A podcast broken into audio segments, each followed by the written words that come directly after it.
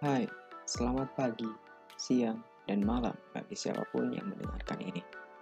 Salam hangat bagi para pendengar yang selalu optimis dalam hidupnya dan selalu bersyukur. Hari ini saya akan membahas sesuatu yang bisa kalian gunakan sebagai sistem imun dalam diri Anda sehingga bisa menahan emosi atau mungkin bisa dibilang lebih dari menahan emosi.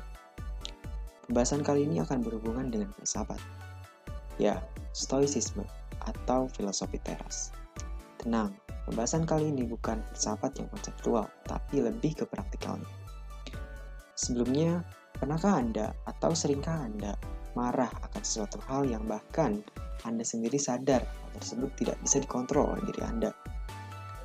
Dulu, para filsuf stoa atau yang mempraktikkan filosofi teras ini percaya bahwa bahagia itu bukan karena adanya emosi positif, tetapi bahagia itu adalah tidak adanya emosi negatif. Seorang filsuf Stoa bernama Epictetus berpendapat bahwa it is not things that disturb us, but our opinion of them.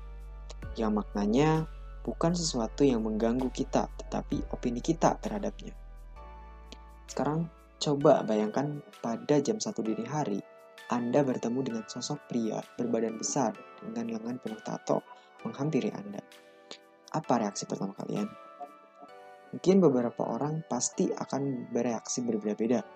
Ada yang langsung kabur, dan ada diam saja atau bahkan mengajak untuk berkenalan. Kita ambil contoh yang diam saja.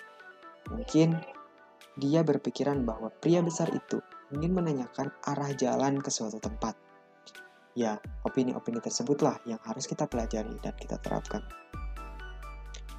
Pada dasarnya, Emosi negatif adalah akibat dari nalar yang sesat, bukan disebabkan peristiwa eksternal. Kita semua mempunyai tanggung jawab bagi emosi atau opini kita terhadap sesuatu, dan bukan tanggung jawab orang lain. Hal-hal eksternal yang tidak bisa dikendalikan, seperti pendapat orang lain, bukanlah tanggung jawab kita, melainkan opini kita sendiri terhadap opini orang lainlah yang menjadi tanggung jawab kita. Jika Anda berhasil menerapkan prinsip filosofi teras ini, akan membukakan point of view kalian dalam hidup Anda dan mengurangi kecemasan terhadap sesuatu hal.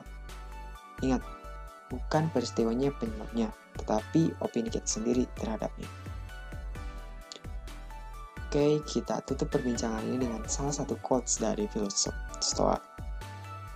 You have power over mind, not outside events.